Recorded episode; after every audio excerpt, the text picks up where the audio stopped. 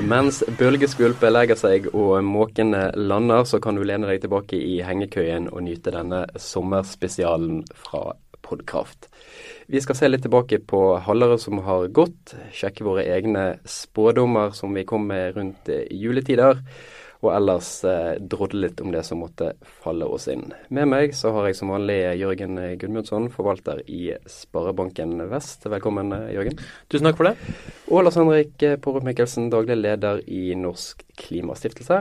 Tusen takk. Og mitt navn er Martin Hirt. Og så får jeg vel for ordens skyld oppgi at vi spiller inn dette i slutten av juni, så hvis det skjer noe av eh, karakterer den neste uken.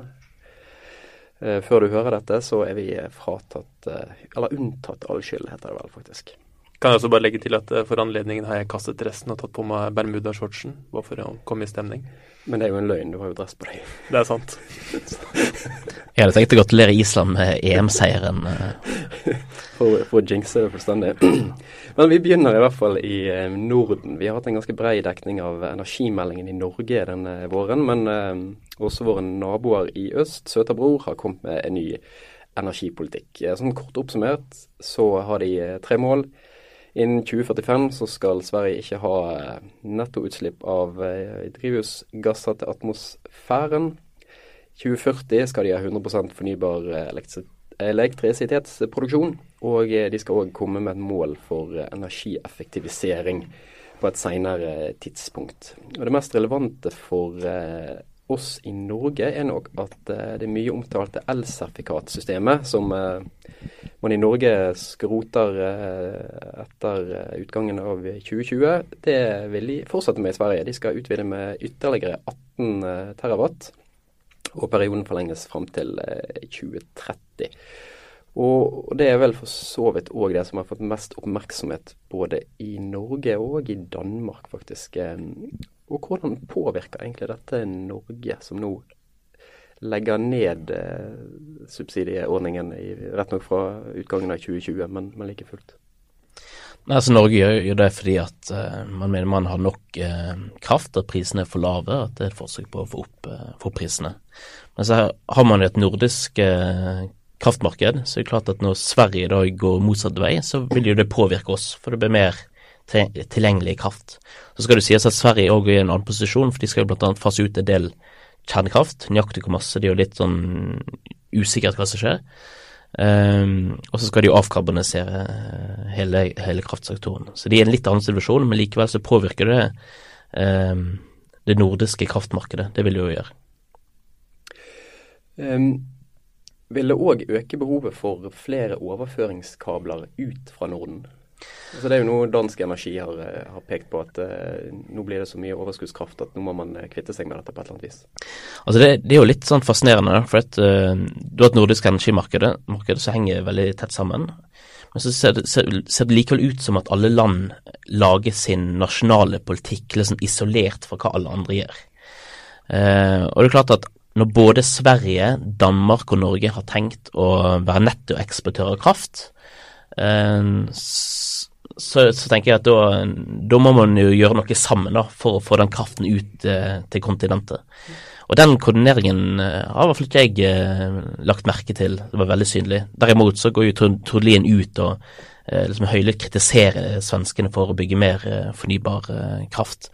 Så jeg vil egentlig ta til orde for et nordisk energiunion. Det er det man hadde, hadde egentlig trengt. Da du fikk koordinert og man fikk en felles nordisk energipolitikk.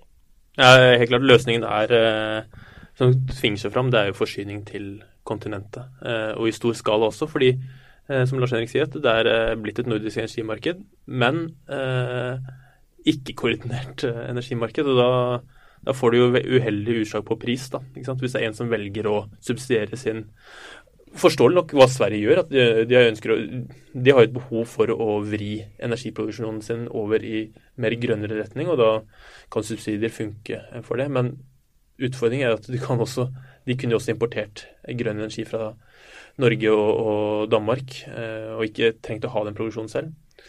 Men så er det sånn at eh, Sverige har jo også et fordel i vannkraftproduksjon og annen grønn produksjon. så at eh, Norden under ett kan forsyne kontinentet faktisk med mye grønn produksjon, og møte det kravet med minst 20% fornybar. Eh, så at kontinentet får minst 20 fornybar energiproduksjon. Eh, eller eh, forbruk. Um, så jeg mener i hvert fall det som kommer til å tvinge seg fram nå, er eh, fortgang i forsyning til kontinentet. At det er økt eh, forsyningsgrad der. Det er bare nødt til å bli det. Og så er det jo en store spørsmålet, det er jo hva skjer med kjernekraften i Sverige når man vet at fire eh, kraftverk skal stenges ned etter 2020. Um, og så er spørsmålet hva som skjer et, etter det, og hva, som skjer med de resterende. Og, og man har ikke fått noen sånn sluttdato for kjernekraftproduksjon i Sverige, men man sier at uh, hvis det skal investeres nytt, så skal det skje uten direkte eller indirekte subsidier så fjerner man en effektskatt for kjernekraften eh, som skal bedre lønnsomheten litt, men så øker man òg en energiskatt, så jeg er ikke sikker på hva eh, sluttregnskapet ser ut av. Eh, men det er på en måte et stort spørsmål, og det har jo veldig masse å si for prisutviklingen i Norden. om eh, hvor, hvor, raskt kjernekraften fases ut av den nordiske miksen. Så det vi, det vi trenger, det er Kalmarunionen på nytt på energifeltet? 400-årsnatten og hele pakken? Ja, så nå er det jo eh, Jeg husker i 2005 så sa man 100 år er nok. 100 år uten union er nok. Uh, nei, men, men eh, det, det, er litt seriøst at jeg tror man bør knytte den nordiske energipolitikken tettere sammen. Og så henger det òg, ikke bare kraft, men det henger jo òg liksom, transportsektoren. For det alle disse landene vil ha en interesse av, det er jo å få brukt denne kraften som det blir stadig mer, mer av. Og hvis man da i samme slengen kan få en koordinert politikk og mål og strategi for vi kan bli den første regionen som avkarboniserer hele transportsektoren. Mm. Det kunne man få til. Men da må det koordineres, og så kan ikke alle land operere som om de eh, ja, ikke har naboer som de eh, utveksler strøm og energi med. Ja, jeg tror, jeg eh, tror vi legger eh, den nordiske debatten eh, ja, Legger den død kanskje litt radikalt, men iallfall forlater den for denne gang. Jeg tenkte vi skulle snakke litt om det som har skjedd nå i 2016. I god tabloid ånd så har jeg bedt dere plukke ut to viktige hendelser i første halvår. Det har for så vidt jeg òg gjort. Du har jo gått høyt ut, Jørgen, og flagget at din toppsak ville overraske. Ja, for den er litt Noen kritikere vil kanskje mene at den er litt famlende, men jeg mener at den er, har noe visjonært over seg. og det det er kanskje halvveis eh, eh, hva som, som, Hvis du tar vekk støyen, hva som ligger under eh, hva vi på en måte er i ferd med å skje i Norge. Nå er jeg veldig spent. Ja, ja eh, og det, jeg mener jo nå ganske med braske program at vi, har, eh, vi, er på vei til å skrape fram en milliongevinst på Flaksloddet en gang til. da. Uh, og det er litt i, i lys av uh, hva som skjer internasjonalt med lav oljepris. At den er fortsatt er ganske deprimert, og utsiktsretten vil holde seg lav ganske lenge. Selv om den har begynt å stige litt og alt det, men det er fortsatt på sånt nivå at det er fortsatt Oljeprodusentene har store behov for kostnadstilpasninger fortsatt. Uh, det er rufsete ute. Um, fortsatt høy gjeld, det er eh, brexit på kalenderen, det er EU rakner. Koordineringsviljen eh, er på en måte mer og mer fraværende. Norge på annen side eh, har stor investeringslyst akkurat nå. Nettopp for å skape, skape verdiskap, eller få verdiskapningen opp som, som følge av frafallet av oljeinvesteringene. Og vi har mye penger på bok som kan brukes på det. Så jeg tror det er en enorm vilje nå på, i norsk økonomi til å løfte fram andre, andre energisektorer, andre, andre og, og, mer miljøvennlige, miljøvennlige ting. Så jeg tror vi er på vei til å gjøre noe fornuftig der, sånn da, som du ser Statoil-læreføringen og sånne ting med, med, med sitt, sitt, uh, sitt, grønne investeringsfond. Så jeg tror uh, vi, vi, vi drar uh, Får nok en gang flaks at det skjer uroligheter ute som vi kan på en måte bruke vår tid til å løfte investeringene i grønn retning. Er, det er min topp, topp spådom hvis vi tar vekk støyen, så at vi kommer seilende ut igjen som vinner.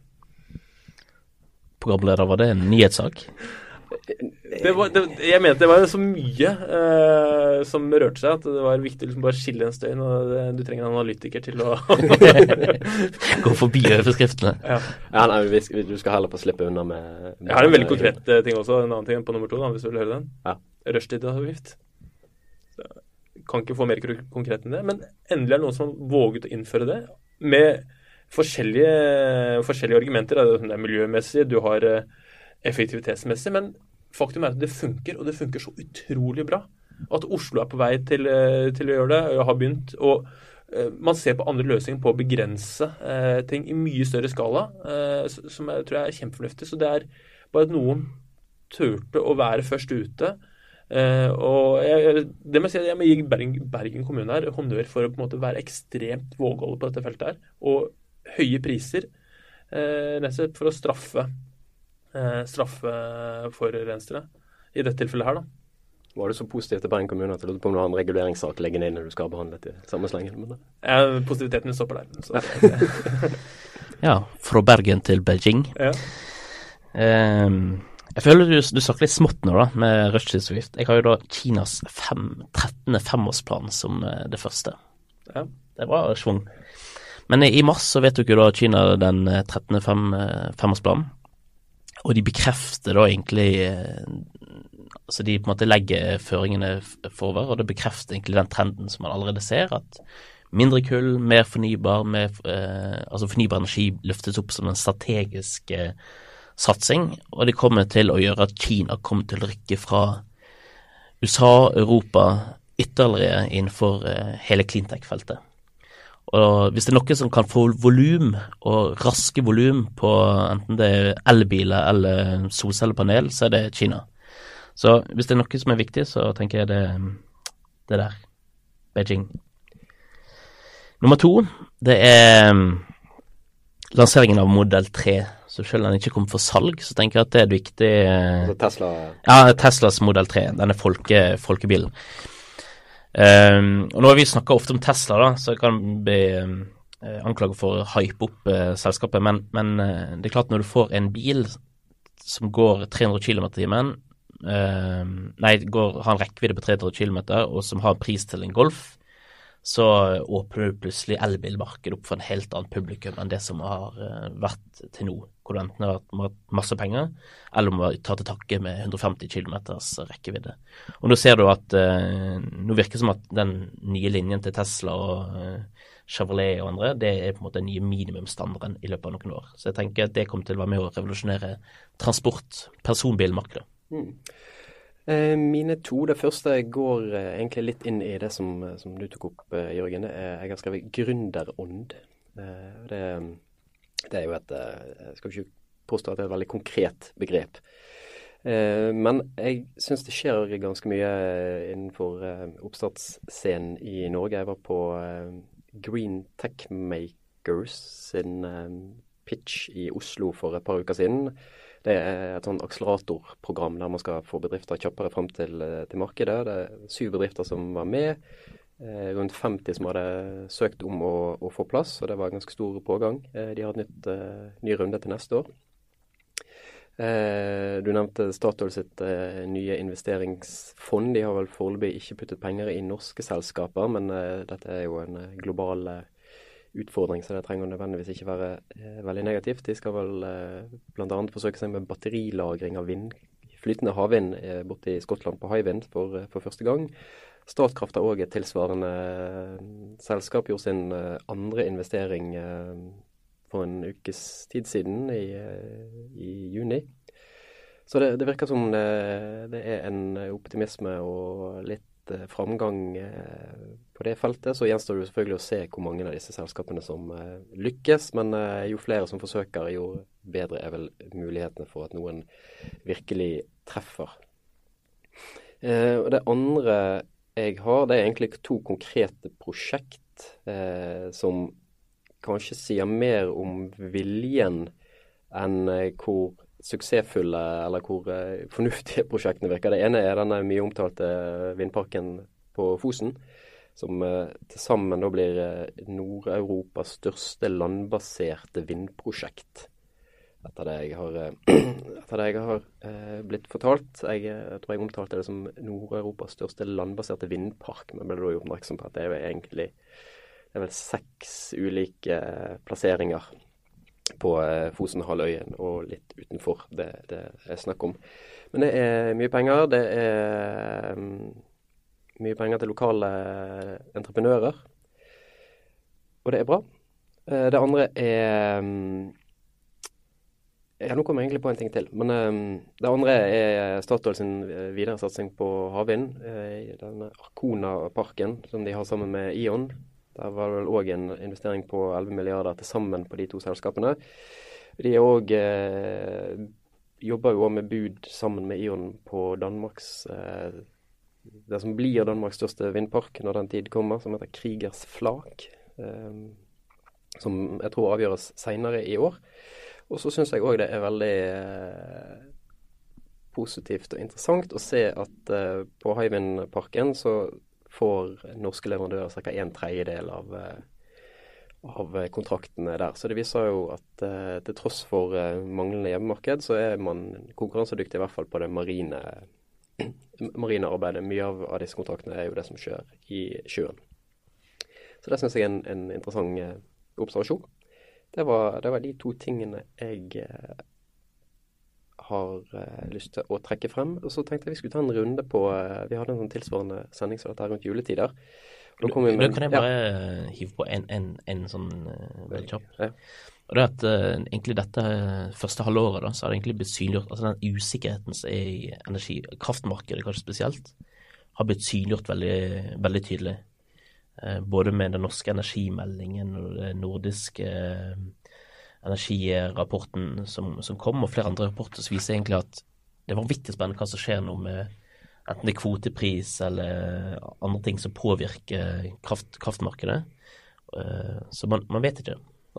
Så prøver jeg kanskje å legge til at sånn helt objektivt så er vel energimeldingen i Norge òg ganske viktig. Den kom jo nå i vår, men den har vi snakket så veldig mye om at den, den registrerer vi at den har kommet tror jeg vi, vi sier.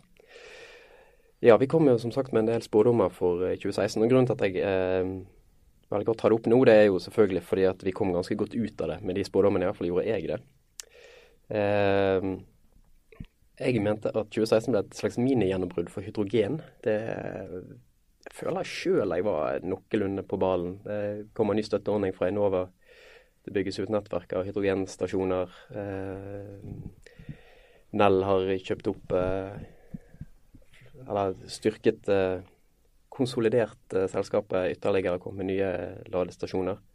Men jeg opplever en viss sånn skepsis i ansiktsuttrykkene deres. Ikke jeg, får ikke jeg godskrevet den? Kanskje vi skulle vente til 2017, er det det vi skulle si? Nei da. Uh, nei, men jeg kan jo dele programlederens uh... Skal en minigjennombrudd trenger ikke være ja, veldig stort. Nettopp, ikke sant? Uh, nei, minigjennombrudd kan være enig i. Ja, hvis du leser energimeldingen med, med hydrogenbriller, så vil jeg si at han har delvis rett. Det andre var at det, det skulle komme et slags skritt videre når det gjaldt demonstrasjonanlegg for havvind. Jeg merker jeg var veldig ullen i disse. Og det òg har det jo eh, har det jo på så vidt eh, gjort gjennom energimeldingen at det skal komme på plass en støtteordning som realiserer et demonstrasjonsprosjekt. Så får vi se hva, hva det vil innebære. Vi noterer et skritt. Ja, ett skritt. Du Lars Henrik, du, du, eh, du hadde jo så sabla mange, mange spådommer. Det skulle bli regjeringskrise. Den er vel vanskelig å De har et halvår til på seg, da. Ja, det er sant. Var det regjeringskrise, eller var det brudd med, mellom de borgerlige? Ja, det blir mye det samme. Ja. Nei, men jeg tror fortsatt at grønne skatter kan eh, ryke det borgerlige samarbeidet. Ja. Også om noen år kommer jeg til å se konsekvensen av batterilagring. Den får vel nesten få uh, kan ikke komme tilbake til eh, i 2020 og så se hvordan det har gått? Mm. Eh, og så vil i energimeldingen, som jeg tror det kommer til å bli en tydeligere konflikt i norsk kraftsektor mellom de som omfavner vannkraften og de som vil ha nye energikilder. Den er, jeg ble litt usikker når jeg satt og tenkte meg om eh, Vi hadde jo en, en, sending her for litt siden, Jørgen, der vi slo fast at vannkraften definitivt vant ja, hvis det var noen konflikt altså det var, hvis det var noen konflikt i utgangspunktet, så kom vannkraften seieren ut av den. Det kan vi være ganske men jeg, enige om. Men jeg er usikker på om det egentlig ble noe konflikt. Altså Det ble, det ble vel ikke så mye ordgyteri mellom uh... Nei, altså, eh, altså vannkraften blir jo seirende, men at, men at det er en spenning mellom de som uh, omfavner ny energi som sol, og de som vil på en måte bevare vannkraften uh, og, og, stoppe opp for det, nye, for det nye. Den konflikten eh, eksisterer. Og har blitt tydeliggjort eh, i prosessen med energimeldingen. Jeg, tror, jeg, noter, jeg noterer ett poeng. Du snakker deg opp i en ståkarakter. Du glemte ordet robust, da. Ja. Men ellers går det veldig fint. Uh, Unnskyld. Uh, og så den siste, den delte for så vidt du og uh, Jørgen. Det var at uh, Fornybar AS kom til å bli en politisk føljetong, og det kom ingen avklaring før sommeren. Og det, det har du ikke gjort. Så der, der traff dere. Ja. ja. Den aller siste, det var at Jørgen Det var vel egentlig mer Du håpte mer enn du spådde at det skulle komme omsettbare kvoter. Enhver økonomisk hjertebarn sa du. Ja. Men uh, It will happen, tror jeg. Men det, det skjer ikke ennå. Men, men uh, hvis jeg kan drodle litt, litt, rundt det, eller skal vi komme med spådommer senere, kanskje? Så, Nei, jeg tror vi, okay, ja. men, altså, jeg tror, Litt sånn i lys av det vi snakket om tidligere, med, med, et felles nordisk energimarked som tvinger seg fram gitt, gitt de forskjellige på en måte, insentivordningene man setter i gang. Eh, så tvinger det seg fram en, eh, en, en, en eh, forsyning til kontinentet. Og da, har du, da begynner du egentlig å få et ganske bra kraftforsyning og marked som egentlig gjennom hele Europa, i hvert fall. Og når du først har et ganske bra felles nettverk for, for, kraftforsyning, da kan du begynne å snakke om omsettbare kvoter, egentlig. Det er først da egentlig det er relevant, mener jeg, da, på den siden her. Så, så det, og og vi har sett, og også litt sånn eh, pønn til uh, rushtidsavgift. For du har sett at uh, en sånn type prismekanisme funker i småskala, og da funker det åpenbart i storskala også. Hvis du har et fast sett, hvor du, et maksimum produksjonstak, og så har du fordeling som man gjør det, den som kan gjøre det mest lønnsomt, gjør det. Det er på en måte en sånn åpenbar løsning som vil tvinge seg fram. da. Vi, vi kan vel konkludere med at vi traff såpass greit her at vi kan kalle oss sjøl eksperter nå, kan ikke det? I hvert fall i, i mediesammenheng. Jo, det kan vi jo eh, Jeg har tenkt å bruke ekspert. I hvert fall energiekspert. Det siste eh, før vi runder av, det er oljeprisen tippet vi òg på. Eh, jeg, så vidt jeg klarer å finne ut, så har snittprisen vært 50 dollar til nå i år. Det... Ja, den er i hvert fall på 50 dollar ja. nå. Jeg tippet 52. Lars Henrik tippet 49, og Jørgen tippet 55. Så for din del så får vi håpe han stiger ørlite. Ja. Her er det vel såpass jevnt at uh, i hvert fall med meg og deg at vi bør uh, kontrollsjekke hva som har vært uh... Ja da, jeg skal gjøre litt nærmere Hvis det er snitt hittil i år, så er den faktisk litt lavere. Men siste prisen er 50. Men bare, for, bare, så dere vet det, når vi snakker om oljepris, så prøver vi alltid å snakke om siste, siste pris, og ikke gjennomsnitt for året. Det er, det, det er en oljeprisekspert til dere to. Greit. Du, egotrippen din får bli eh, siste ord herfra. Eh, Sysla har en egen eh, serie som heter Energiskolen, som går i sommer. Det er mulig første episode allerede ute når denne praten her slippes. Hvem veit? Vi ønsker i hvert fall alle sammen en strålende sommer. Så er vi tilbake med nye ferske episoder og et friskt og positivt syn på livet. Ja, kanskje ta litt tid, men vi er i hvert fall tilbake igjen over sommeren. Ha det bra.